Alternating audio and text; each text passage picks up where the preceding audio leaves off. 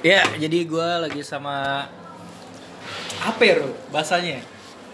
Kalau ya? kalau misalnya orang nanya, kalau orang nanya tuh Aku biasanya sebut diriku visual artis ya. visual artis. Iya, lebih lebih kayaknya lebih mewadahi ya. Kalau dibilang hari ini bikin karya dengan style scribble, Hmm. scribble artis. Cuman Hmm. aku juga mainin mainin kain, main main kawat, main media-media yang banyak gitu. Hmm. Nah, visual art Iya. lebih lebih mewadahi. Soalnya Iya. visual art kan karya yang dibuat dari eh, banyak banyak media, mix media itu itu lebih ke visual art. Ya, jadi gue lagi sama eh, karikator. Karikator. Apa ya? Karikator ya. Kalau di Instagram tuh @karikator gitu. Hoirul Anwar. Yoi. Siap. Kalau tadi kan dibilang eh, visual artis, visual art ya, visual Iya, artis. visu- orangnya visual artis. Kalau kalau produknya visual art. Iya. Cuman kadang gini, kalau bicara uh, podcast itu kan kadang harus bener-bener ini ya. Jadi kalau bicara sesuatu yang harus di uh, bicara tentang karya yang emang harus dilihat segala macam. Jadi lo cek aja ke Instagramnya @karikatoer. Jadi gue lagi di uh, Muslim Fashion festival. Fashion Festival di JCC. Jadi uh, doi lagi ada pameran, workshop ya bahasanya. Pameran. Masih pameran.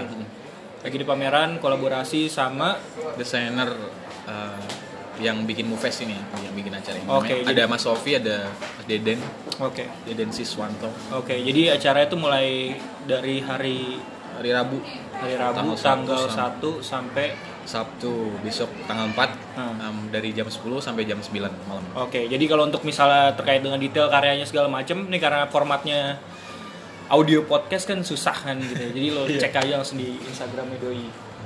Jadi kalau misalnya scribble itu apaan sih? Scribble itu bahasanya Iya. coretan cakar ayam kalau Ah. padanan Indonesia. Ah, Kalau bahasa ini coretan nggak beratur sih. Coretan nggak beraturan. Hmm. Coretan bebas. hmm. Kapan ngerasa kayaknya gue ngerasa scribble jadi aliran gue nih. Itu aliran apa apa sih? Eh, style sih, Style aja style, ya? style. Style gambar kan di kalau di gambar itu ada apa namanya macem-macem macem-macem ada skate apa arsiran arsiran Hmm. lurus garis lurus stretch Hmm. terus ada lingkaran bulat-bulat terus ada mix silang Hmm. nah scribble ini bagian dari arsiran ini konsepnya eh, apa dasarnya adalah coretan nggak beratur ininya coret bebas aja Oke. bikin satu bentuk akhirnya jadi pola gitu. Kapan ngerasa kapan ya kalau kalau dari sejarah secara pribadi kan Iya, iya, ceritain. lika-liku lika-liku ya jadi Iya. kalau di kapan ngerasa Hah? kayaknya gue bakat bicara bakat atau apa sih ya? Karena kan Hmm. segala sesuatu itu itu perlu dilatih kan. Orang Gua- ngerasa kadang gue bisa nulis atau apa, otomatis kan kadang Iya. sesuatu itu kan lahir dari sesuatu yang jelek. Iya nggak sih? Hmm, betul. Pasti kan, siapa pun dia gitu. Lo bicara pekarya, bicara penulis, bicara Hmm. apa pun itu gitu loh. Pasti ketika mulai pertama kan dia ngerasa Hmm. ih karya gue dulu jelek banget gitu ya banget iya kadang hari ini tapi kapan ngerasa ya ngerasa- pasti ada momentum lah iya kapan ngerasa kayak walaupun jelek tapi gue pengen ngelanjutin nih momentumnya itu 2017 sih. itu kalau di sebelum 2017 itu mungkin kesadaran-kesadaran naif ya ya maksudnya ada secara physically oke pede hmm. oh aku bak di sini nih tapi masih ada ada gangguan sih ada gangguan di dalam Hmm. akhirnya di situ dialek lagi antara diri sendiri sebetulnya Iya. apakah aku bener di sini gitu Iya, mempertanyakan yang pertanyaan yang susah bikin tidur itu. Iya, iya. cuman setelah 2017 eh, ketemu orang-orang Nggak, yang berarti kalau misalnya di 2017 itu kan udah cukup settle lah kan artinya? Iya Tapi itu kalau di luar di luar. kalau mulai dari mempertajamnya itu sendiri? Mempertajam 2016 itu udah. Karena kan gue ketemu nih sama Irul tuh tahun 2012 gitu. Iya. satu organisasi di kampus. Nah, terus emang dari dulu doi ini yang kita di Persma terus kan ada namanya Persma kan ada fotografi ada macam-macam. Nah doi pas mempertajamnya di situ gitu loh. Hmm, memilih untuk kayak ngegambar ngegambar. Iya. kalau gambar emang kayaknya periodisasinya nggak berhenti kan? Dari SD dulu kaligrafi Oh, berarti dari SD? dari SD kaligrafi, Kaligrafi. terus sempat lucu ada memori yang masih teringat bikin kamus bahasa Inggris tuh. Hmm. aku bikin bisa mengingat kata-kata itu dari gambar. Ada harus ada Oh, oke. Visualisasi Oke. nah dari kaligrafi terus bikin suka bikin komik-komik Naruto Iya, kan dulu iya. zaman Dragon Ball Iya. ternyata konsisten cuman nggak aku sadarin oh ternyata emang interestnya di sana gitu. Enggak, tapi emang kalau kita bicara makanya sekarang konten audio visual atau sesuatu yang emang dilihat tuh emang gampang gampang, Gampang banget diserap gitu kan daripada yang sekedar cuma tulisan apa Iya. segala macam. Makanya kan sekarang kalau gue lihat trennya sendiri gitu ya banyak buku-buku yang akhirnya dia kayak semacam ada kombinasi ngerti nggak sih?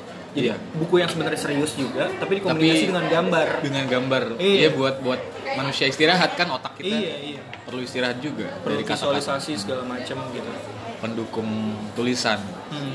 mempertajam 2016 mungkin fokus 2016 di ya. Scribble kenapa relate kenapa oh ini aku banget nih Hmm. itu setelah baca sih dari pengetahuan Hmm. dari kesadaran ilmiah ya kalau karena Kontemplasi ya kontemplasi sama sama uh, ngelihat kira-kira yang paling deket karakter diri sendiri sama orang lain itu Hmm. siapa nah itu yang saya baca biografinya kebetulan Siapa aku juga tokoh atau Tokoh. influencer ya. Kalau bicara Ah. pasti pekarya tuh pasti ada nggak mungkin dia berdiri sendiri kan. nggak mungkin Kalau mungkin dia iya. sesuatu dia ya kalau kalau kata pepatah kan nggak ada sesuatu yang baru di bawah matahari ya. kan? Iya, Yoi. yoi. Iya. 2012 Akhirnya aktif, kan semua pengembangan aja kan sebenarnya. Iya, pengembangan. Pengembangan aja kan. Tapi kayak Scribble di Indonesia siapa sih tokohnya? Tokoh-tokohnya? Eh, Cak Mat sih aku kenalnya awalnya dulu Cak Mat Cakmat. Surabaya. Surabaya Oh. Rahmat Priyadoko dia Iya, tuh iya, iya. sebenarnya dosen gambar itu awalnya Oh dosen. Nah, dia suka sebenarnya gambarnya bisa gambar apa aja dia tapi dia bikin bikin Scribble terus ketemu di internet lah Hmm. ntar itu nggak tahu kenapa Hmm. algoritmanya kayak gitu ketemu itu terus momentumnya eh, mungkin aku pas Instagram. Ah, iya, Instagram ya Hmm. kurang inget sih Instagram terus pengen coba bikin itu wah aku bisa nih kayaknya Hmm. coba Kapan eh, kamu notice kalau misalnya kayaknya orang lain tuh suka sama karya gue? ketika di repost artis itu bisa jadi ukuran yang bisa divalidasi kan Iya, zaman media sosial ya. Iya, jadi Zaman- oh yang gue ingat dulu siapa Dian Sastro. Dian Sastro Karena Ivan dulu kita sempet sempet ngobrol juga kan. Nah, Waktu itu pas lagi? Bekasi kan. Ah, pas Lo manfaatin media sosial sebaik mungkin, ya lo gambar aja orang, tag dia. tag dia Bener kan, Ria? promosi paling canggih lah Iya, bener bener. itu eh, ininya pengaruhnya gede banget Pengaruhnya gede banget. ya. soalnya kan mereka kan punya udah basis masa ya punya follower banyak Hmm. ketika udah diposting ya perhatian itu seluruh menuju ke kredit tadi Tapi masih inget nggak kapan karyamu ini dibayar?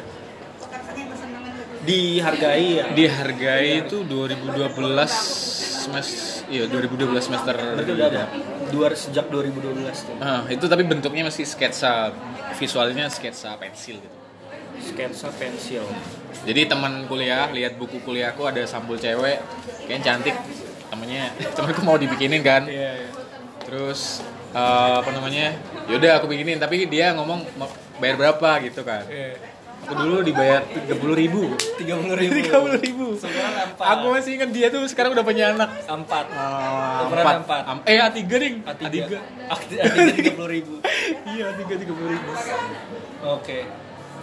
Terus kalau misalnya 2012, sekarang 2019 ya. iya Itu kalau misalnya di apa ya?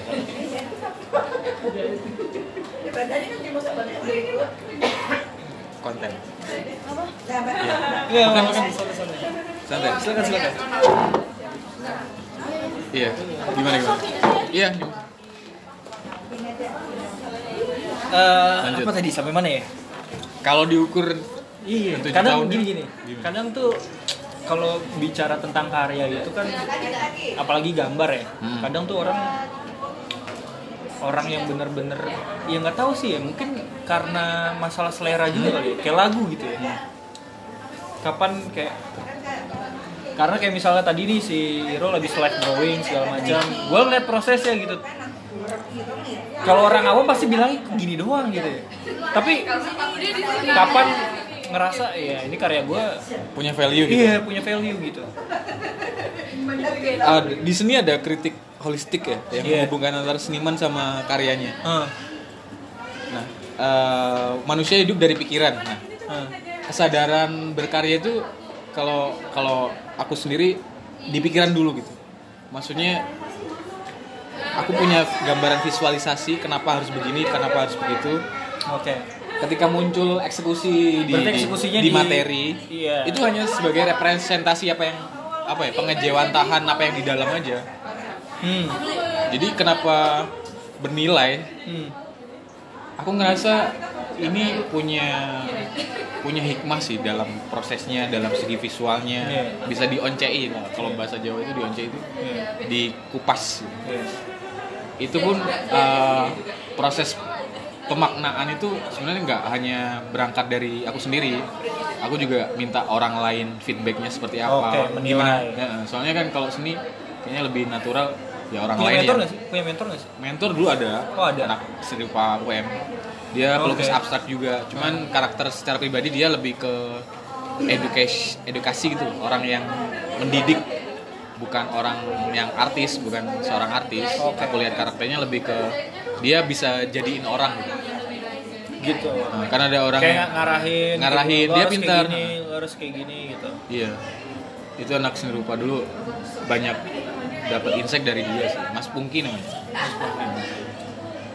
ya kalau dari Scribble dulu ada yang memaknai bahwa uh, hidup itu seperti Scribble ini loh bahwa kayaknya kita nggak Kelihatannya tiap hari itu acak-acak. tapi sebenarnya itu ada- sesuatu. ngebentuk sesuatu jadi kayak misalkan uh, misalnya sampean ketemu aku mungkin terencana atau tidak rencana kan bukan bukan kemauan kita kadang kan hari ini hari ini Iya. bi- Iya, kita iya, bikin konten ini Iya. apakah sebelumnya terpikirkan Iya, iya. Enggak. Ya karena zaman sekarang tuh bukan lagi eranya kompetisi sih sebenarnya. bukan yang kompetisi Kolaborasi. kolaborasi Kolaborasi. Karena kalau udah nggak lagi walaupun nanti ujung-ujungnya juga pasti Hmm. mau nggak mau ya kompetisi itu tetap ada gitu. Tapi gimana membuat itu akhirnya Hmm. eh, menjadi besar kan eranya Iya. sekarang kolaborasi gitu. ini flow sih bercerita tentang flow tentang aliran Iya, iya.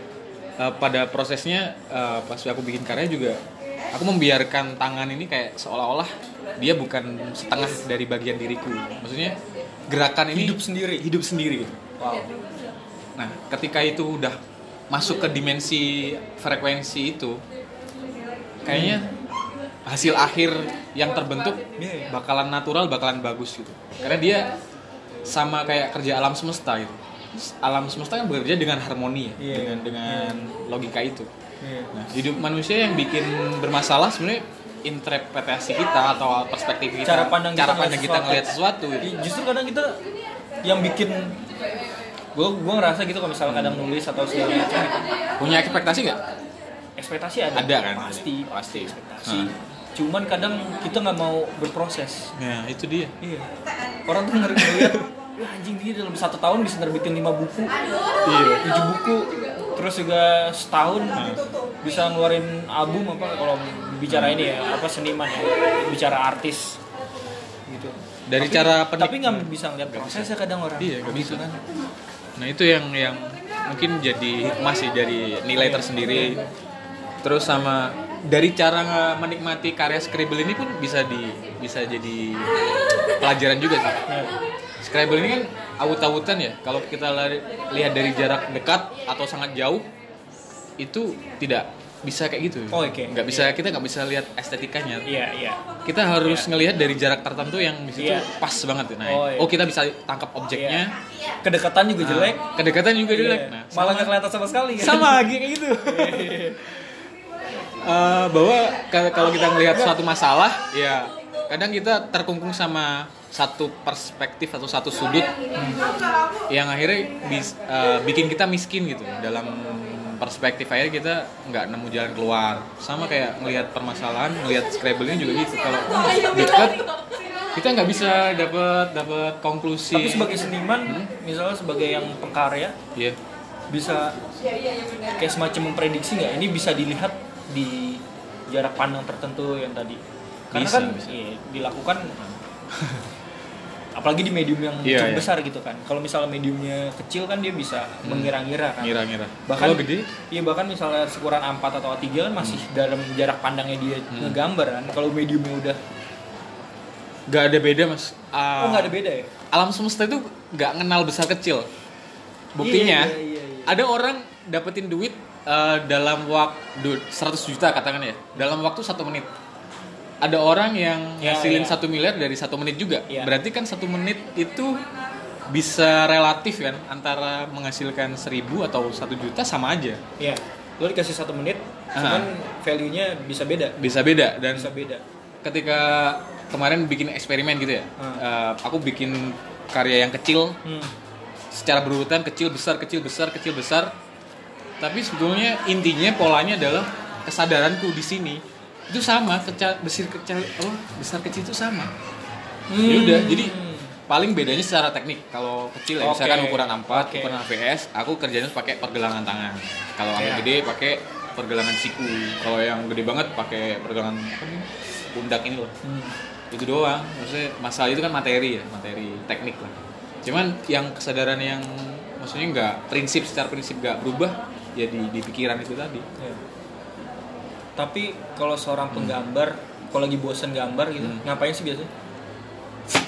aduh itu kadang aku nonton film Netflix mas malasan Iya. sama Berarti ada olahraga. ada fasenya ya? ada, ada setiap, juga gitu. setiap sama kadang kan energi mental kita terkuras habis ya Iya, iya, iya. terus nggak dapet eh, asupan makanan makanya asupan mental itu penting juga kan Iya. keseimbangan baca buku atau interest apa yang bisa kita kita bikin fresh lagi Iya. soalnya kita bukan mesin pak Betul sih. kalau mesinnya bisa dipaksa tapi jebol juga sulit sih. ya. sulit. kalau manusia Iya. dia dikasih fitur perasaan Iya. itu yang sebenarnya nggak bakal bisa dimesinkan Assalamualaikum warahmatullahi wabarakatuh. Terus kalau misalnya malam. sekarang tuh udah kolaborasi sama siapa ya? Desainer terus kreatif hub eh, apalagi ya pelukis juga terus Pada sama Tapi mereka mereka biasa menemukan menemukan karyamu berarti di Instagram ya? dari dari Instagram dari Dinas ketemu dari Kota warung Iya, kopi tapi, tapi pasti dari Instagram. Iya, dari Instagram ya kan? Iya. pukul 7.30 itu KTP deh KTP sekarang pengaruh banget 6.30 Iya. sampai 7.30. Tapi kan awal-awal kayaknya tuh yang ingin upload setiap hari, bahkan sehari bisa lebih dari di sekali. di assembly Iya. hall segera. itu Sekali lagi, Ya, gimana bagi ya? para pengunjung yang ingin menonton fashion show dari tujuannya emang buat itu aja ya? Ya karena gue seneng aja gitu. Awalnya itu seneng aja terus gimana caranya ngenalin Scrabble ini dulu kan jadi harus konsisten kan. Kalau nggak konsisten Dan acara Ya, fashion show ini beren- mati sih. Iya. Mati. untuk Iya. umum. Sekali lagi, Ibaratnya, eh, platform ini kan nggak kenal kita sebagai manusia. umum. Betul. tapi bagi para penonton dia kenal kita sebagai algoritma. ingin menonton Makanya bisa ada dapat nasihat yang agak ekstrim stage sih. Ini segera. Mendiskreditkan kemanusiaan kita sebetulnya Ya emang. ya jadilah robot gitu kalau di dunia maya Iya, iya. Ya bahkan kalau misalnya ya apa pun gitu bicara ya di media sosial gitu ya. Hmm. Kadang selera kita tuh ditentukan dengan algoritma. Hmm, makanya Iya. makanya jangan Iya. kesadaran itu yang yang paling enggak yang itu kebebasan kita secara manusia walaupun nggak bebas-bebas banget ya kita dikasih pilihan untuk memilih secara Iya. bebas gitu Ya, makanya sekarang ada kayak Oh. misalnya sekarang eh, semua on demand kan. Iya, on YouTube. demand, YouTube, Netflix, radio, lo nonton. on demand ini kan juga bagian dari Iya, on, on demand salah Radio satunya gitu. demand. Ketika misalnya media-media mainstream nggak bisa memfasilitasi itu, memprovide yang kita pengen secara spesifik, orang nyari yang lain gitu Ya, kan. yang lain. Misalnya kayak sekarang lagi rame podcast apa, dan orang spesifik kan Walaupun bicaranya. ya itu ke, eh, eksesnya ini sih kesenjangan digital. Iya. ada ada golongan yang masih belum belum melek secara ini Ya, referensi digital. Ya, makanya sekarang kayak Spotify lagi rame. Sempat ada tuh tulisan di Vice artikel gitu ya. Hmm. Jadi dia nulis tentang kalau sekarang tuh ada bukan hanya uh, apa ya aliran musik tuh bukan hanya rock, Hmm. pop, tapi juga ada spoticore namanya. Apa tuh baru Jadi, denger? Spoticore itu jadi gara-gara gara-gara kita Hah? uh, menyetel sesuatu tiba-tiba muncul rekomendasi. Ngerti gak? Oh. Kita misal setel iya, Ya, oke iya. oke oke paham. Jadi, paham. jadi kita di apa namanya aliran musik kita tuh ditentukan sama platform ini gitu. Oh, iya, iya, Sama iya, Spotify iya. gitu. Iya. Jadi misalnya kita eh, dengerin tiga artis, Heeh. tiba-tiba kita buka besoknya lagi, tiba-tiba udah playlistnya sendiri. Iya iya, aku kan langganan juga. Iya ya kan, kayak gitu kan.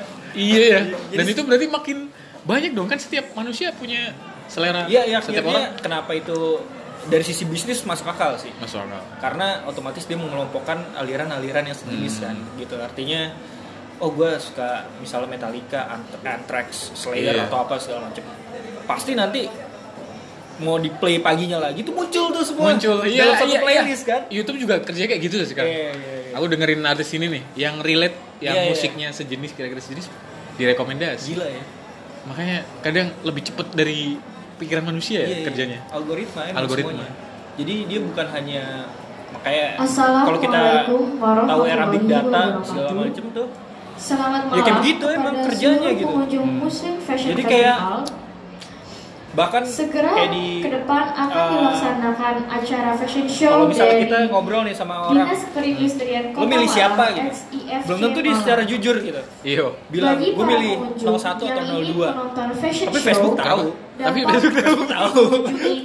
siapa yang siapa yang di like siapa yang ini Ya, karena aktivitas kita itu. iya gila. Karena aktivitas kita. Nah, karena itu ada akumulasi ya, Akan akumulasi bisa dilaksanakan dihitung ya. show Gila itu. dari iya.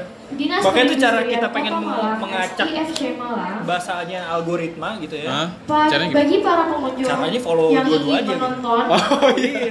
Fashion kubu satu kubu dua dapat follow aja semuanya gitu. Iya. walaupun kita emang nggak suka lagi, gitu dengan konten mereka tapi mau nggak mau ya seperti itu Bagi dan sampai kita berada di ruang gemah kita sendiri dong Ah, bisa betul. yang sampai kita mengunjungi main stage siapa sih yang kesel sama misal Fahri Hamzah, Fadlizon, tweet-tweet mereka yang gatil itu ya. Tapi mau nggak mau kita menonton, harus Makan tahu juga, juga harus- gitu. harus makan juga. Tahu juga, walaupun kita juga nggak suka juga dengan konten mereka gitu. Terima kasih. Iya bener sih. Karena kalau kita cuman hidup dengan apa yang kita suka ya Hmm, bakalan sempit gitu. Bakalan sempit. Makanya di platform-platform itu membuat kita akhirnya sempit sebenarnya. Makanya hari ini aku juga masuk ke bidang-bidang lini yang lain ya itu untuk mendobrak tadi biar Iya. nggak sempit masuk ke fashion ke iya, iya, era dunia mungkin lah. bahkan yang jauh banget bisnis ya kemarin habis meeting sama salah satu perusahaan gede wah Iya. maunya apa Iya, iya. itu yang menurutku juga me- apa ya membentuk pengkaryaanku juga proses pengkaryaan artinya kan aku berdialek ya sama Iya. sama Tapi pabrik. pernah nolak nggak kalau misalnya pernah artinya gue pengen gini gini. Gini kalau gue misalnya dari sisi klien ya bicara sama lo gue pengen gini gini. Gini tapi misalnya nggak sesuai dengan Hmm. apa yang selama ini dijalanin gitu. Pernah sih. Ya yang enggak gue nggak mau gitu. Lo ter- terserah lo mau karya gue apa enggak gitu. Pernah. pernah, tapi. Ya Pernah. cuman kan ya itu tadi sih emang karena kita ya nggak bisa karakter sih ya. Ya, kalau karak- karakter sih. karakter. Kalau kalau kita nggak punya karakter ya kayak algoritma itu nggak nggak jelas gitu loh maksudnya nggak bisa ya, makanya ya, istilah maksudnya istilah kasarnya mungkin dan nggak bisa gede juga orang yang Oh, nggak oke. punya karakter ya Oh, bisa iya. gede Oke. karena penciptaan sesuatu sih di di bawah matahari itu sebenarnya udah ada paket ya Iya, sebenarnya kita iya, iya. tinggal jalanin pet kita masing-masing Iya. aja dan sekarang tuh emang Nah, itu yang bedain cukup niche Individu. niche tuh maksudnya cukup Nah, spesifik bias eh bias spesifik cukup spesifik gitu Ini tuh jadi hari ini abad ini kita merayakan itu sebenarnya iya, semakin spesifik Ah. semakin bagus gitu. Makanya aku harus fokus makin iya iya fokus. betul betul betul walaupun tetap fokus itu dalam artian kita membuka diri juga Iya. Dengan- berarti sisi ide- idealismenya dapat lah ya dapat itu kan bisa dimasukin kalau aku kan suka kalau artis Indonesia Ibaratnya Faris Tevi dia Oke. canggih sih dia cukup canggih dia Oke. berinteraksi dengan audiensnya dengan mengolah karyanya Hmm. walaupun aku nggak pernah ketemu langsung cuman aku ngikutin pengkaryanya dia cukup Tapi, luas gitu iya. Se- se- seberapa sering kamu berinteraksi sama followermu atau Cukup suka se- ngebagiin sesuatu walaupun sekarang udah ada buku gitu ya udah Iya. ada buku yang salah Ah. satu yang penjewantahan apa untuk menyebarkan virus ini scribble ini gitu. Kalau di platform in- Instagram, aku biasanya kalau di stories sharingnya lebih ke profit, eh kok profit, perspektif. oke Dalam perspektif aku pun, gitu, misalnya mikir apa, punya is- ada isu apa, aku tanggepin. Terus ada juga yang dari pertanyaan-pertanyaan yang masuk. Kalau dari postingan sekarang lebih ke kayak galeri sih. Kalau dulu kan kayak ngejar ya, ngejar postingan jumlah Iya, iya, iya.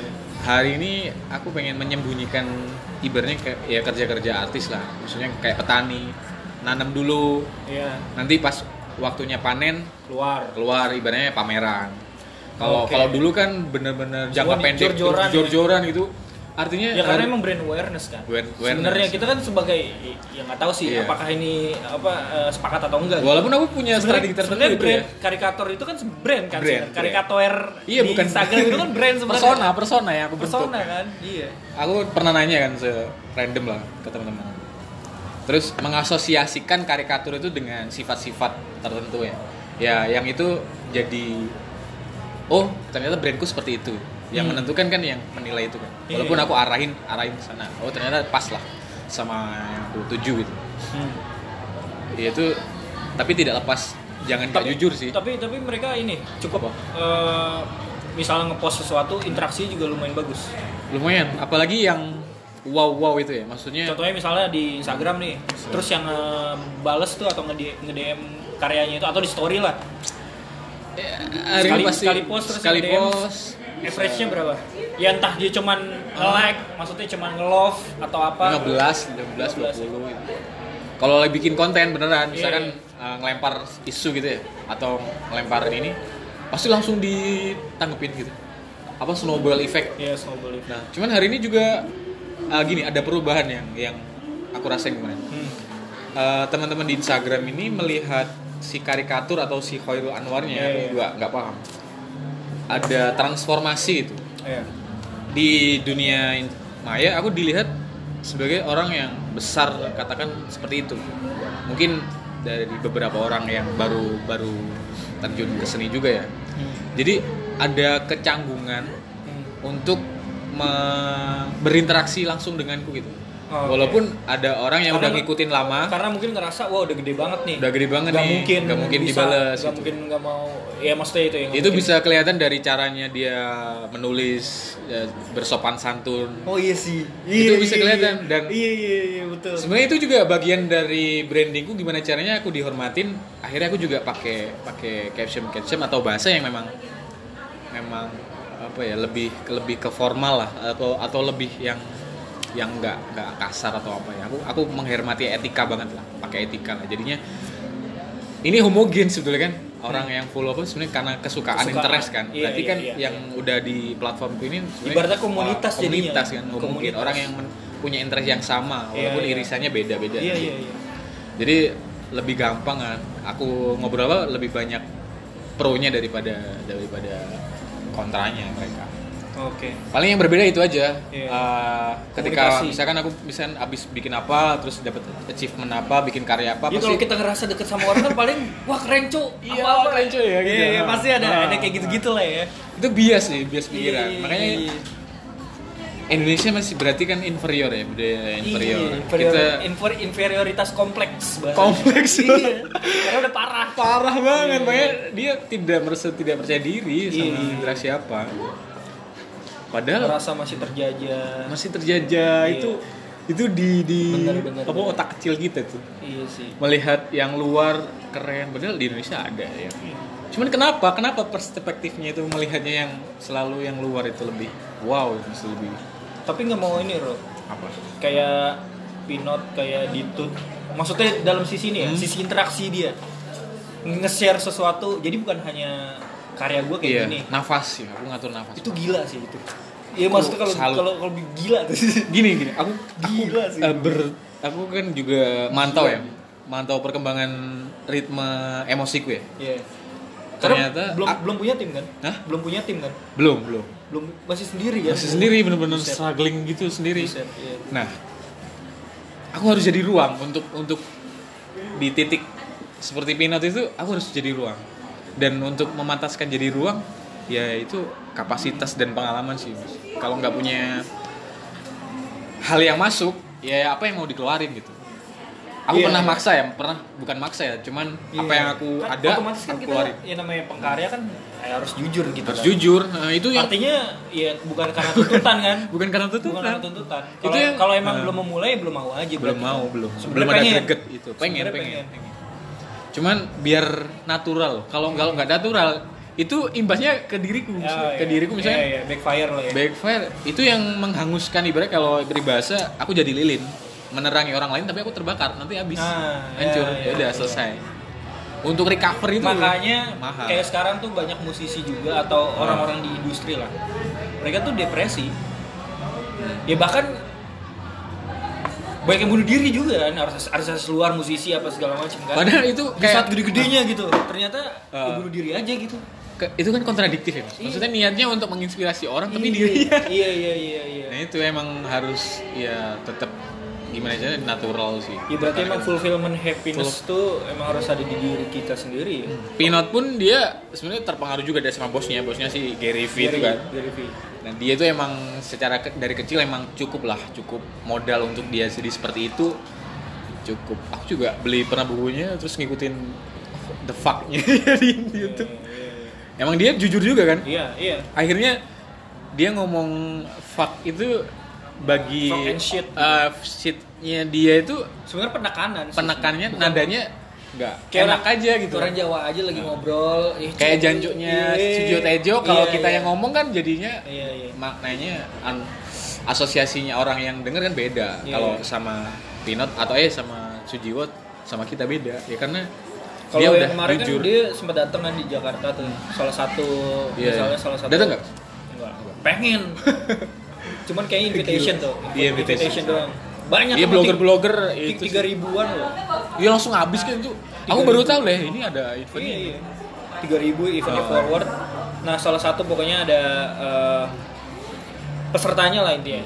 Dia bilang tuh si Gary Vee cuman bilang lo tuh sebenarnya udah tahu lo bakal ngelakuin apa tapi lo butuh validasi dari gua untuk melakukan itu. Sama gitu. Ya. ya kalau di bahasa gak sufisme ya mas itu nah eh, gini nasihatnya. Sebenarnya yang perlu kita nasehatin atau yakinkan ini bukan orang lain tapi diri kita sendiri Iya terus Jadi dia bilang kayak gitu, lo mau jadi apa? Ah. Lo mau jadi artis, lo mau jadi pengusaha, ya lo ngapain butuh validasi dari gua gitu, lakuin lakuin aja gitu. Iya, soalnya hari ini kan fasilitas fitur itu semuanya udah tersedia, Iya. melimpah. Ya gue juga ngikutin Gary Vee sih. Maksudnya dia kan uh, jadi strateginya dia tuh mengembangin sesuatu yang gede dulu. Iya. Gede tuh maksudnya kayak uh, YouTube, Hmm. terus uh, podcastnya dia dua tuh jadi dua kanal Hmm. YouTube sama podcastnya dia nah dia tuh membuat kayak semacam mikro platformnya itu mikro platformnya itu dipecah-pecah jadinya dipecah-pecahnya itu di LinkedIn Di LinkedIn. Oh, di iya. Twitter gila sih. di Instagram karena kan mereka punya limitasi sendiri kan gitu ada yang cuma bisa satu menit di Instagram paling orang lihat tiga menit Hmm. itu dipecah-pecah itu jadi payungnya sebenarnya YouTube sama podcastnya dia Iya, makanya kalau nemuin YouTube-nya gitu yang kayak speech-nya dia satu jam Itu dari dari potongan-potongan kecil itu. ya enggak enggak sebenarnya itu full Full. sebenarnya full tapi nanti Di- dipecah-pecah jadi pecah-pecah. konten Iya. dia Asik. ya. nekanin kuantitas Ah, gitu Kuantitas dulu.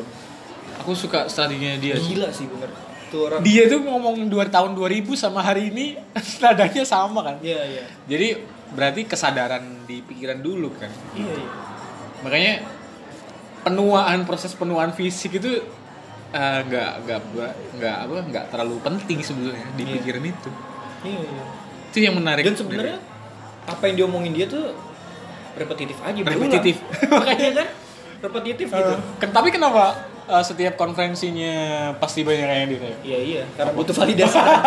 Benar benar benar iya iya kalau dia kan nggak pernah jualan kan nggak pernah jualan. Jualan tuh maksudnya Iya, bikin gue punya perusahaan ini gue punya perusahaan Oh, ini iya. produknya ini. Nggak pernah dia nggak pernah melakukan soft itu. sell. Ngomong, tapi ngomong kemarin- aja iya ngomongnya ngomong ngomong aja gitu. ngomong ngomongnya kemarin bikin eh jualan apa?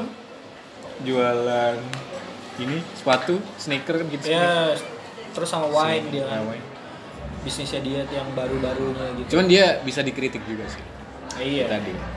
Ya siapa pun bisa lah. Cuman itu aku ambil mas. Eh, dia caranya dia untuk menasehati, memvalidasi teman-teman yang yang jadi followerku yang ya karena punya pengaruh punya pengaruh. iya Nah ada yang nanya gini mas, apa misalkan mas gimana sih aku kok nggak percaya diri ya? Gimana caranya Iya. bikin karya kita yakin sama sama coretan kita? Cok, eh, misalnya dalam dalam dalam diriku sendiri pengen pengen pengen bilang gitu juga. Hmm. Jadi mesin, jadi jadi robot Hmm. ambil HPmu tak tulis gitu ambil HPmu fotoin gambarmu setelah kamu gambar tulis caption posting beres iya sekarang apa masalahmu iya kenapa nggak diposting gitu. iya Itu kan bermasalahnya di Iya, sana kan. Iya iya iya. Iya iya. Nah, dia pikirannya udah udah udah overthinking duluan kena nanti misalnya nggak dapet lag atau Iya. dikritik apa. Itu kan masalah hari ini karena disrupsi teknologi juga kan, Iya. eh, bikin orang kok apa insecure. Bener bener.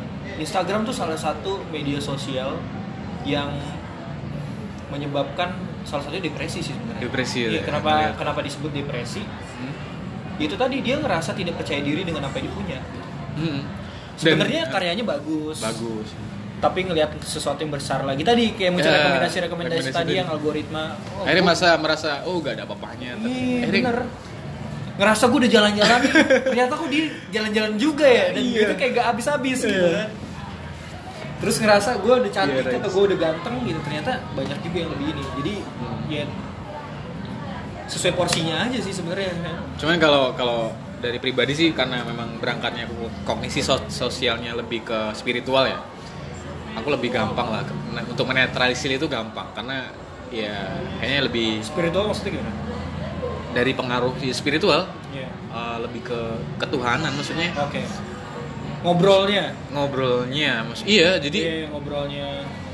bener-bener yang uh, kesadaran langitan lah maksudnya dimensinya lebih tinggi maksudnya kita itu Susah dideskripsiin Susah tapi di- ada gitu. ada ada Iya. keajaiban nah Iya, itu yang iya, iya, yang iya. sebenarnya ini yang aku bawa di karya-karyaku sekarang bahwa karena modernitas orang lagi orang sekarang tidak lagi takjub dengan sesuatu yang ada di bumi di atas bumi ini. Jadi merasa biasa-biasa saja merasa dunia ini ya wes begini tidak ada yang wah gitu, tidak ada wow.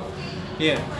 itu yang miskin makna akhirnya orang makin makin mekanik ya berjalannya. Padahal kalau kita lebih tarik lebih bisa maknanya lebih jauh ya setiap hari bakalan kita dapat dapat sesuatu yang bisa kita dapetin makna yang dalam yang bisa kita bikin kita bahasa sekarang bahagia lah bersyukur karena kita menemukan sesuatu yang menurut kita berarti itu dalam hidup walaupun sepertinya prosesnya acak gitu kayak kayak Ini ka- Scrabble ini gitu. Kamu mikir gini kontemplasi berarti ya? Dari hasil kontemplasi ya? Iya bener iyalah Iya kalau lah. paling ngobrolnya sama diriku ya Iya. ketika sendiri tapi Iya. ketika ada ruang seperti ini kan ruang Iya. baru aku speak gitu. Iya. Tapi kalau misalnya introvert atau ekstrovert tuh bisa mengkategorikan diri sebagai apa? Kayak introvert sih sebenarnya. aku intro sebenarnya introvert. introvert kan. Aku Jadi kebutuhan karya aja kan. kebutuhan karya aja. Jadi aku men-style diriku ketika Iya, oh mode iya, artis, oh mau nggak mau aku harus mendobrak itu. Iya. Karena oh aku kan baca. Oke, untuk menuju tujuan itu aku harus punya fitur-fitur yang bisa jalan ke sana ibaratnya kalau mau ke sana tujuan ke sana harus naik tol. Jangan Hmm. naik motor, nggak Iya. boleh, harus naik mobil. Berarti aku jangan pakai motor ya aku harus bisa nyetir mobil lah katakan berarti aku Iya, harus iya. pindah harus bisa belajar ya katakan itu misalkan harus bisa pede di speak banyak speak di depan publik nah ya itu itu hanya teknis sih walaupun prosesnya masih, Dia masih- sebagai seorang seniman, artis bisa dilihat gitu, dilihat banyak orang. Kadang tuh kita kalau yang aku rasa gitu ya, mereka yang pekarya, yang udah besar, kenapa mereka depresi? Karena mereka pengen audiensnya mereka gini ya, audiensnya ada tuntutan lebih gitu. Hmm? Gue udah bayar sesuatu, gue datang udah ke konser lu, gue pengen dihibur. Hmm. Tapi kan ya lagi-lagi kita juga punya ada sisi-sisi yang Ah. ya tadi spiritual, sisi-sisi yang cukup sentimental. Oh ternyata di rumah ada problem pribadi. Hmm. Nah itu cara ngatasin ini gimana? Ketika emang Hmm. gue ada tuntutan untuk kerja nih, Itu kayak berangkatnya harus dari awal. cara ngatasinnya gimana? Gini, aku balik ya pertanyaan. Motivasi awal. Jadi ketika misalkan konsekuensi itu kan Ya tapi kan Konsekuensi. ini bubbling kan, maksudnya oh, kadang-kadang mungkin ini jebakan nih jebakan Iya, kagak beneran. Kadang tuh Iya, kalau iya, yang iya. ngeliat gitu ya, orang kan siapa pun itulah Iya. artis. Ah. Mereka artis gede juga banyak di luar. mereka dari garasi main, ya kan iya. artis luar gitu, dari garasi sekedar bermain gitu. Terus mereka juga setelah melalui fase tertentu kan, oh ternyata gue udah punya Iya. fanbase tertentu. Iya, sebenarnya aku punya udah punya jawaban sih. Iya, udah punya fanbase, Ah. terus ada ada tekanan, ada tuntutan yang membuat eh, mereka pengen ya mungkin Iya, iya, iya. ada fase di mana mungkin ya mungkin makanya kadang kalau beberapa karena gue juga sering ini kan ngelihat apa eh, dokumenter fi- film Oh. dokumenter tentang musisi atau siapa pun lah itu. Mereka yang Hmm. eh, misal sepak bola atau apa kayak gitu ya. Ada fase-fase di mana mereka tuh mengalami kebosanan itu. Ah, kebosanan itu terus juga akhirnya membuat mereka itu nggak jujur dengan karyanya. Iya.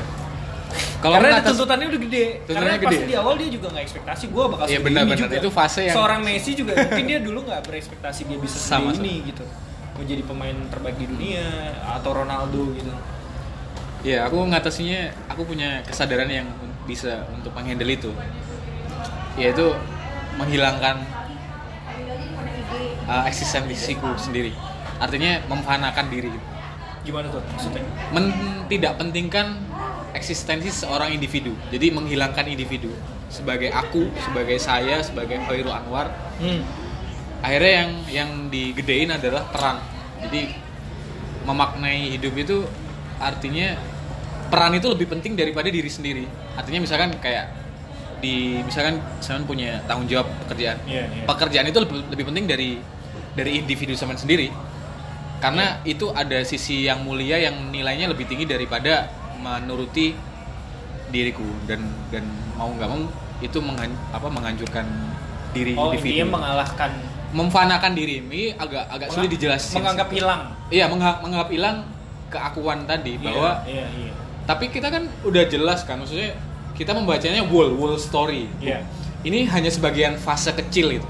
Ibaratnya Messi udah tahu bahwa dia itu besar gitu. iya Ketika dia berjalan di fase ini pikirannya nggak di sini tapi dia ngukurnya wall story-nya ini eh, apa karena berangkatnya dia happy happy itu. oke Nah ini cuman bagian dari ibaratnya kalau jembatan ini jembatan yang memang beresiko dan mau nggak mau pilihan alternatif yang paling buruk yang harus diambil ini gitu. ya cuman nggak jangan larut lah di sana gitu. Setelah itu selesai ya harus balik lagi gitu. Makanya kan kadang kan misalnya artis peran, Ah. mereka memerankan banyak. Gue gak kebayang sih kayak se- seorang misalnya Reza Hadian gitu kan memerankan banyak tokoh. gampang sih jawabnya itu mas. Makanya kadang kadang ya dia orang kan berpikir gitu. Banyak juga kan maksudnya seniman yang akhirnya saking menghayatinya dia nggak bisa balik nggak mengenal dirinya sendiri gitu. Iya. Memfanakan diri cuman jangan hilang. Iya iya kan? Ah, itu. Iya kan? Oh iya iya. Berarti Se- cuma sementara aja. Iya, filsafatnya adalah ya kita sebenarnya kita kemauan kita atau kita kepengenan kita itu sebenarnya bukan kepengenan kita. Kalau ujungnya ini balik lagi ke spiritual tadi, Hmm. ya ujungnya sebab terakhir mas, sebab terakhir siapa gitu. Eh, Bahwa misalkan aku mau jadi apa, kalau diukur di di kupas dalam-dalam lagi, ternyata kita nggak nggak punya kemauan kehendak bahwa kita dipilihin ibunya lahir di mana Iya iya iya. kita terpental cuman bukan fatalisme ya jangan terjebak sama Iya. fasilitas apa fatalisme karena manusia juga disi apa punya sifat Tuhan tadi punya Keakuan tadi. eh, punya keakuan nah itu bedanya sama kita sama hewan sama yang lain Oke. itu yang yang harus clear dulu harus clear itu sih jadinya itu bisa jawab apa pun sih berarti, balik ke berarti bisa identitas. dibilang gini bisa dibilang kalau mereka yang mungkin kehilangan itu ya karena di awalnya dia nggak kenalin diri gak sendiri. mengenal akarnya tadi Aku Kenapa dia melakukan Oh, itu? kenapa melakukan itu tiba-tiba gue ngelakuin ini tiba-tiba gede nah gitu. iya nah akhirnya dia wah in- industri kayak gini tekanannya gini. gitu kan ya itu tadi kayak ngelihat gue udah gede tapi ternyata ada yang lebih gede Kosong. lagi Iya, Ya kan? kosong. kita ngeliat sesuatu yang lebih ke Ah. atas lagi makanya yang paling aman makanya Buat hidup ini sendiri maraton buat Atau maraton buat standar sendiri. maraton iya standar itu kan kalau kalau dianalogikan kayak maraton uh, kita nyadarin diri kita kapasitasnya larinya seberapa kenceng seberapa nafas kita kuat Iya, iya. endurance kan itu soal Iya, endurance iya. Gary Vee aja bilang gimana caranya hidup itu eh, apa tau bikin karya itu sebenarnya survive dalam jangka kapan pun kamu tetap relevan lah sama zaman Oke, itu iya. sih yang kalau maraton kan berarti maraton bukan Iya. bukan sprint nah iya.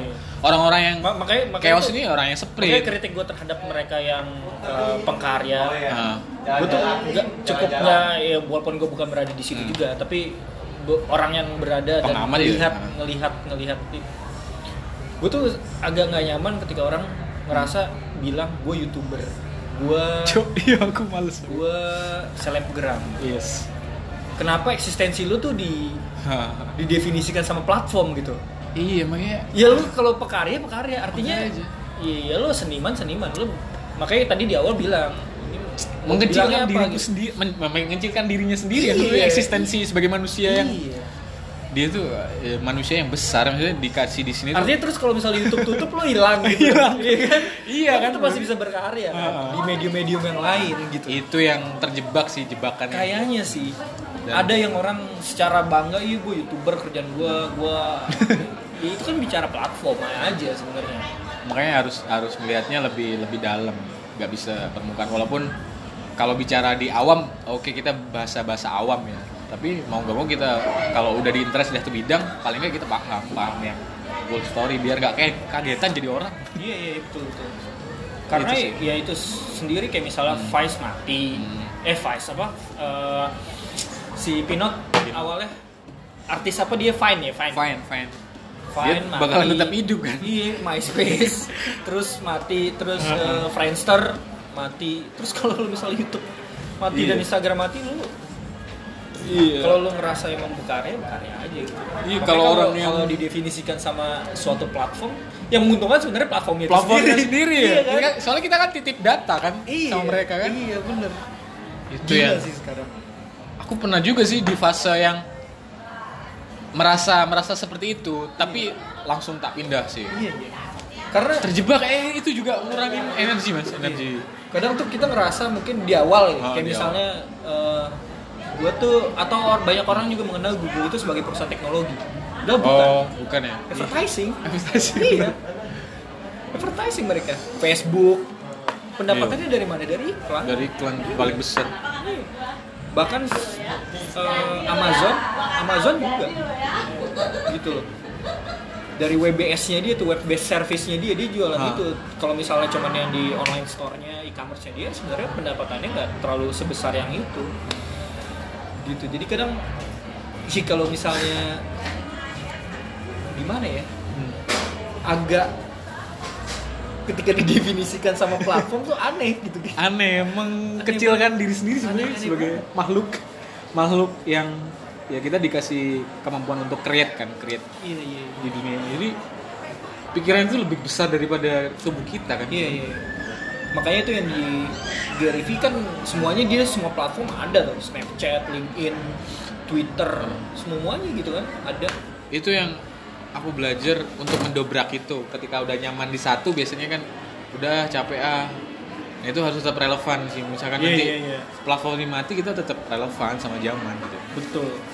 jadi tetap tetap semua orang eh siapa Casey Neistat bilang gitu kan hari ini nggak ada Casey- orang yang Casey tahu Neistat. Iya. Hari ini nggak ada orang yang serba tahu yang paling tahu tapi semua orang tahu sedikit gitu Iya nobody knows everything about anything Yes. kan. Iya kan?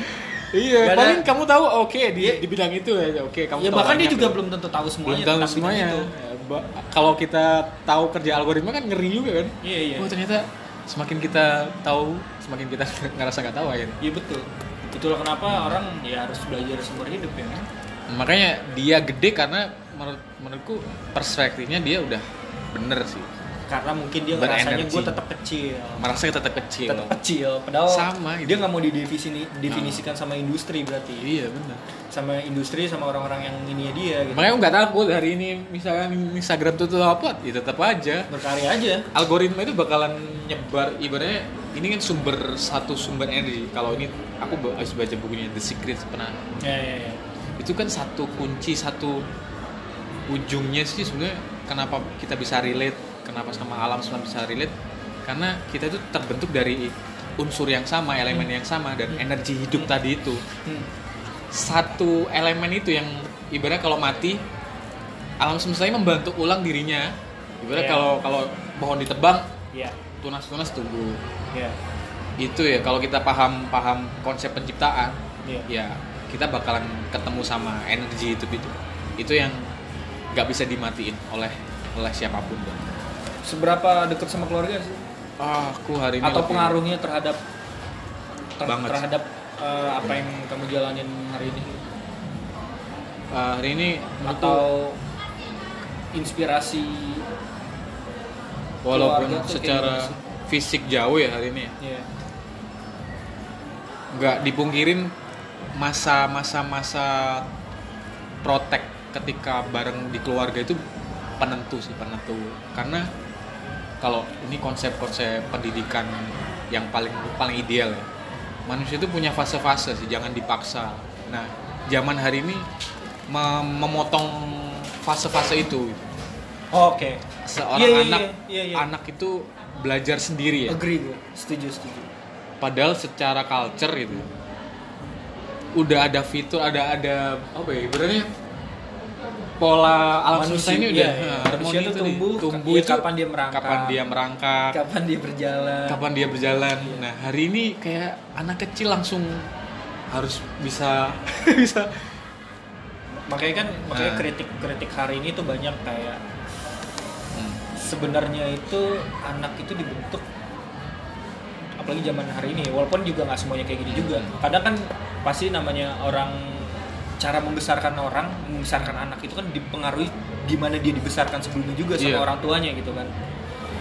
Itu tadi benar banyak yang dipotong. Di umur yang seharusnya 3-4 tahun dia harus sudah disekolahin. Di mana di saat itu dia harus Hmm. main lumpur dia harus merasakan menyentuh sesuatu dia harus jatuh. Gimana caranya? Ya kan bener itu sih? itu yang bentuk aku hari ini itu mas. Karena iya iya. eh, ibarat kayak apa itu?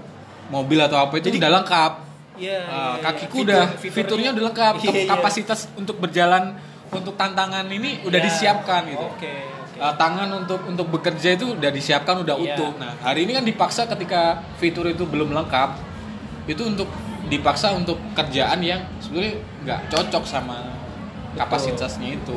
Betul. Iya, iya, manusia makanya- juga gitu. iya makanya sekarang ya ya nggak tahu sih mungkin akhirnya ya bakalan tuh jadi, ekses gitu. jadi jadi gengsi orang tua sih. Iya nggak sih? iya sih? Ah. makanya ada ya macam-macam. Mungkin ya banyak juga yang orang tua zaman sekarang juga yang nggak aware itu ya? Iya yang nggak aware nggak ya dipengaruhi macam-macam lah ya. Macam cara dia juga tumbuh. Kan mungkin dulu dibesarkan dalam keluarga yang cukup egaliter Hmm. tapi ketika dalam fase tertentu dalam hidupnya fase tertentu dalam hidupnya ya tiba-tiba ada yang membuat dia dia harus protektif sama anaknya atau ngerasa Iya. itu penting kemudian dia ikut suatu komunitas di mana dia ngelihat eh teman gua ngebesarin anak tuh kayak gini dan dia pengen ngebentuk itu dan akhirnya jadi kalau kasarnya boneka boneka jadi jadi alat gitu ya kalau aku hubungan sama keluarga ya orang tua itu relasinya sebetulnya kesadarannya aku udah deal ya sama orang tua karena Iya, aku iya. juga udah dewasa ya Iya. Eh, memposisikan orang tua itu seperti orang yang nganterin pemain bola gitu sampai ke pinggir lapangan Oke. nah ketika udah orang tua ini Tarung, nganterin anak ya yang taruh ya kita sendiri sebagai Iya, anak iya. gitu orang Iya. tua cuman support lah dari dari kejauhan dari bangku penonton betul sepakat sih kalau orang tua yang tetap ikutan main kan lucu juga dia. Iya, iya, iya. Dia udah udah punya fasenya dulu ketika dia punya orang tua juga kan dikasih waktu untuk main bola. Iya. Ketika udah tua ya itu tetap ada polanya. Walaupun mungkin kalau anak muda agak-agak agak ambisius dan emosional ya. Nggak nggak pengen lah kayak gitu. Iya, iya. Pengennya selalu tampil, selalu selalu pengen dilihat Selalu pengen dilihat. sekarang platform-platform tadi Iya, penyakit untuk- itu. iya pada satu titik aku harus sharing aku harus aku harus berada di orang-orang yang orang-orang yang di belakang untuk menjadiin orang Iya, gitu iya. nah kesuksesan terbesarku mungkin aku menjadikan untuk mengarahkan orang mencapai ke titik kesuksesannya dengan versinya dia itu. Tapi di fase ini kan aku sedang bermain bola. Jadinya ya aku bermain memaksimalkan waktu ini gimana caranya jadi pemain terbaik lah katakan. Iya, iya. soalnya hidup ini cuma game sih cuma permainan. Iya sih kita eh, sadarin kemampuan kapasitas di mana kan sepak bola juga kan? ya, kayak tergantung lo dilemparin di mana kan? Yes gitu. Bahasanya misalkan. gitu kan? Oke kamu tugas back. Oke kamu Iya, handle pemain ini. Ya udah Iya. gitu. Iya, kalau iya. sadar itu kehidupan juga harmonis gitu. Kalau hari ini kan politik push main di bisnis semuanya kacau gitu. Betul. Nah itu yang harmonitas gitu sih. Cuman kalau nggak ada orang-orang yang kayak gitu juga nggak ada ke, ke dinamika hidup ya.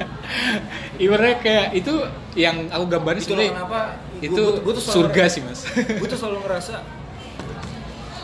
lo tuh harus kenal diri lo sendiri benar-benar benar kenal diri lo lo harus punya prinsip dan jangan pernah batasin diri lo sih maksudnya gini gue tuh dari dulu bergaul sama siapa aja Yo. lo mau bicara Oke.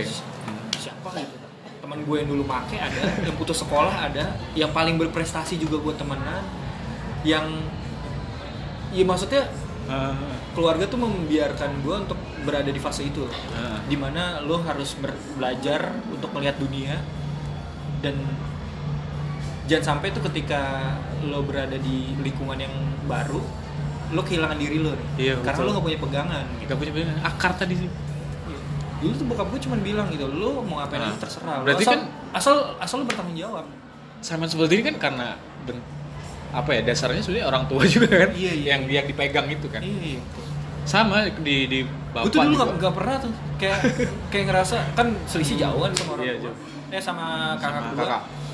sama kakak gue jauh terus ya 11 tahun Hmm. terus ngerasa ya udah tinggal bertigaan aja sama orang tua gitu dan gue juga nggak pernah ngerasa gue disuruh belajar dari dulu gitu Hmm. dia cuma nekanin bokap gue tuh kalau nekanin jarang banget ngo- ngobrol gitu yang Hmm. hal yang personal atau kayak gimana diskusi kita iya pasti tapi dulu dari kecil entah SD atau SMP gitu Hmm. pernah ada fase dibilang ya apa pun lo yang lo ambil lo bertanggung jawab aja gitu Hmm. orang tua cuma ngasih bisa support kepercayaan aja Iya. selebihnya lo yang betul yang tadi Iya, main bola itu. yang, lo yang bertarung Suatu saat jangan kita sampai, juga bakalan tapi jangan sampai lo kehilangan diri lo sendiri Betul. jadi diri jadi lo diri sendiri. makanya tadi bilang gak pernah gue disuruh belajar artinya gini kalau lo nilai jelek lo yang malu sendiri tanggung Iya, sendiri iya, iya. gitu Sama aku juga malu kalau kalau Iya. kita nggak iya iya nggak tanggung jawab. kadang ya itu tadi orang nyuruh orang tua nyuruh anaknya untuk lo bimbel dong lo ini ini gitu. Tadi dia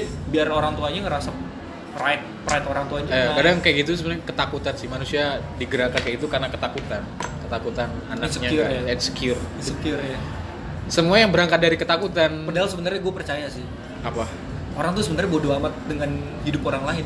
Iya, yang itu nggak sih? kuncinya sebenarnya kita Iya ah, yang kita Kayak- pedulikan ya sebenarnya diri kita sendiri iya, gitu. iya, iya benar Itu kita makhluk apa namanya individualis gitu. kecuali kan. kecuali keluarga lah gue gue Ah. percaya itu kalau dia care care beneran gitu Iya. Tapi Akhirnya kita ke lingkaran itu. Iya, kayak makanya tuh kadang jadi orang yang kayak introvert itu penting juga untuk hal-hal yang Ah. privatnya.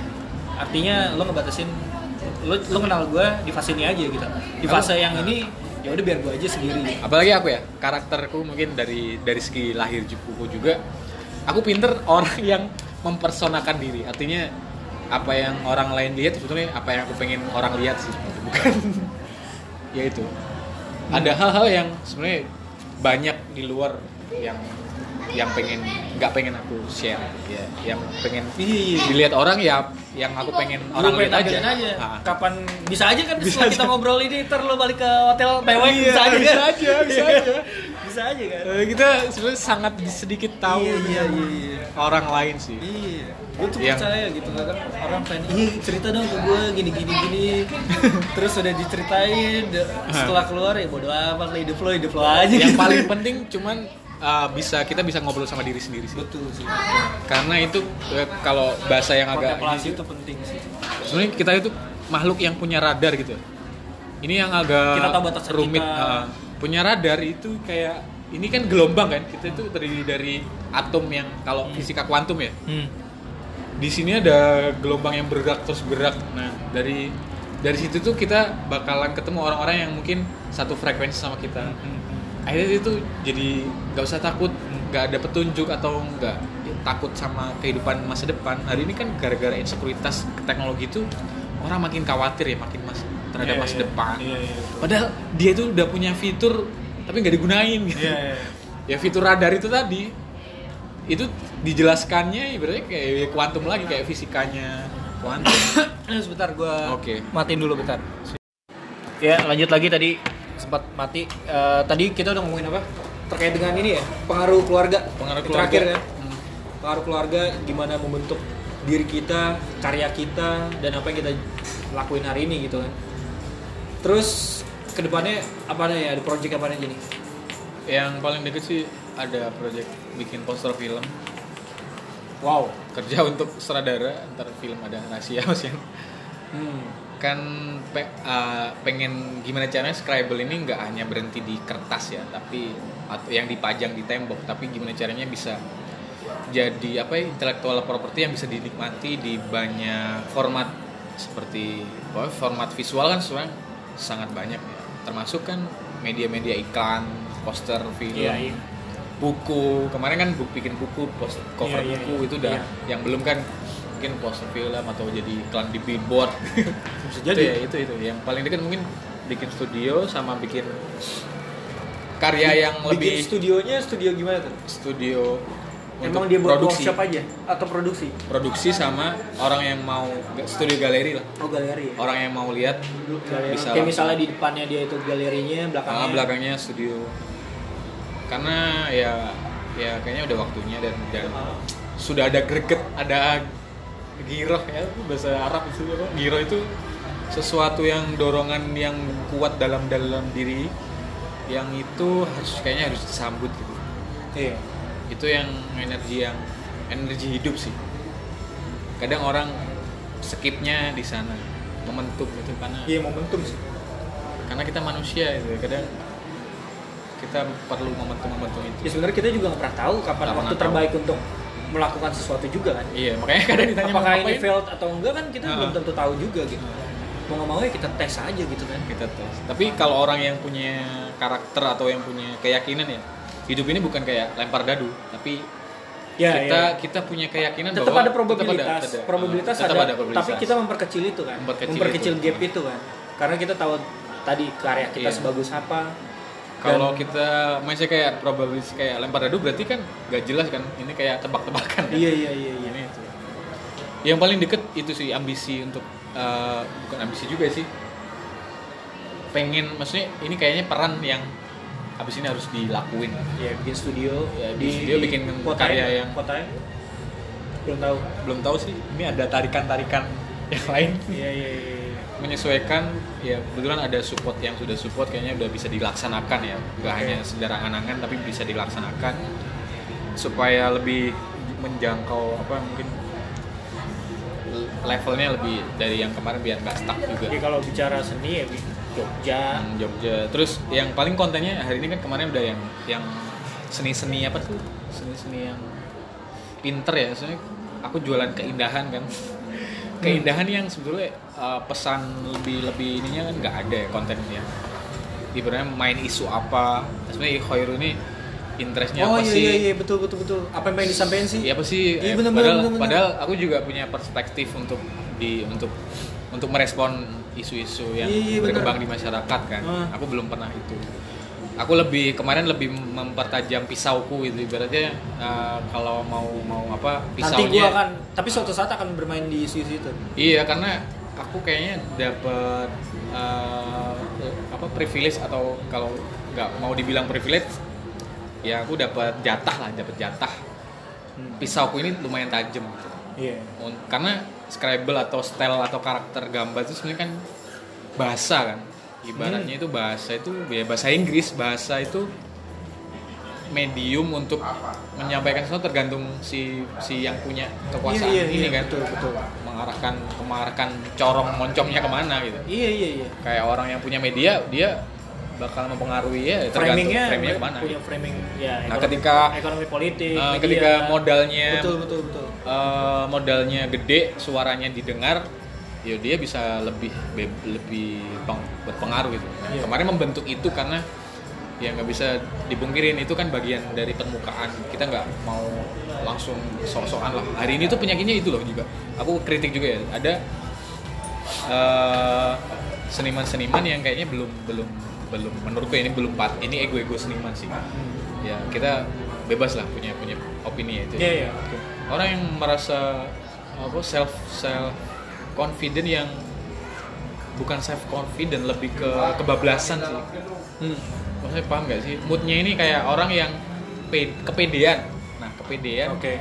Tapi nggak bisa ngeliat ngukur dirinya sendiri. nggak bisa ngukur dirinya sendiri jadinya kayak konyol gitu Iya sih. konyol Iya iya. iya. ibaratnya kalau di makom belajar apa itu nggak loncat lah Iya, padahal dia tuh dasarnya belum belum menguasai gitu hari ini tuh penyakitnya itu orang-orang banyak yang pengen ya itu tadi ngeliat mungkin langsung resultnya udah Iya, kayak result gini kayak gitu. tapi mereka nggak mau berproses. Itu bakalan kebentur sendiri nanti tuh. Ah, di bak Pasti di ya. suatu fase karena kapasitasnya yang ini karena eh, fondasi nggak kuat. kok pondasi nggak kuat Pondasi kuat. eh, roboh. Ada gempa Eh, itu bakalan hancur sendiri. Iya sih itu aku sadar ini oh kemarin ya wajar. Berarti kemarin prosesku ya untuk mengasah pisau itu Bener supaya tajam. Berarti nanti mau motong apa aja bisa. Iya isu-isu mungkin nanti yang aku kayak konsen di psikoanalisa tentang kemanusiaan secara pribadi sama kalau di luar mungkin isu-isu yang aku interest di apa namanya sos sosiologi sih perkembangan Sosiologi. sosiologi. Iya. Perilaku manusia berubah ya ternyata. Iya iya. Dan itu kayaknya bisa di discover ya dengan dengan dengan teknik gambar itu yang tetap tidak menghilangkan diriku sendiri. Iya jadi Tapi- suaraku tetap jujur gitu. iya ya bener sih tadi otomatis tuh orang punya corak ya harus punya corak ya. Corak. harus punya corak misalnya akhirnya kayak- bisa dikenalin Iya, kayak musisi, Musisi. Iwan Fals dikenal dengan dulu kritik-kritiknya kan. karena manusia beker, otaknya kan bekerja dengan asosiasi-asosiasi kalau nggak Berarti itu next step dari Next next step. step, dari Oh. tadi ngerasa wah kayak pisau gue udah cukup tajam nih. iya Gue tinggal pengen arahin aja ke mana gitu. berarti eh, iya soalnya kalau berhenti di sini berarti aku nggak Iya sih. berkembang Iya sih. artinya Iya. sampai kapan kamu Iya, apa iya, pisau iya. itu di pisau i- Iya, emang iya, pisau dijadi padiangan gitu kan Iya, iya. pisau tajam Benar, kalau nggak ada benar. gunanya juga Iya. nggak bermakna gitu Iya bener sih. nah karena punya sesuatu yang punya modal eh, itu kan bentuk tanggung jawab juga ya peran kan oh aku punya punya basis Bener sih. massa Bener sih. itu bener. bukan keistimewaan justru itu tanggung jawab Tanggung jawab. peran itu berat juga Iya, iya, iya, iya. amanah lah Iya, kalau bener. salah gunain ya banyak yang kayak sekarang konten kreator yang merasa dirinya besar dengan pengaruhnya suaranya didengar orang tapi Negatif. kalah eh, negatif akhirnya terlena dengan itu akhirnya ya gimana ya cuman memperkaya diri sendiri nggak peduli sama sama Betul. efek ke sosial itu itu cermin Iya, gue kritikku hari ini bener sih. Bener iya. iya. kacau gitu banyak yang dia emang buat memperkaya diri sendiri gitu kan ya mungkin dia happy ya di buat Iya, dirinya iya. tapi dia nggak ngerasa dia cukup besar dan bisa mempengaruhi orang Kebut satu A17 Iya sih. sekali lagi. berarti ya udah ke depannya itu ya. Ini Ya, next, semoga lah. next workshop apa kan ada ada Satu, ada workshop nanti tanggal Terima kasih. 11 di The Bridge di USD kerja sama sama Creativeness Indonesia. Hmm. Jadi teman-teman mungkin yang nggak jauh dari Tangerang bisa ikutan nanti di sana. Follow Instagramnya kan di Creativeness Indonesia. Ada. Creativeness Indonesia dan juga Follow follow akun Instagramnya karikatoer gitu. Anwar. Nah, lu bakal ngeliat deh tuh semua karyanya di situ. Oke, thank you Oke, Rul ya. thank you. Yo, thank you Mas Pandu.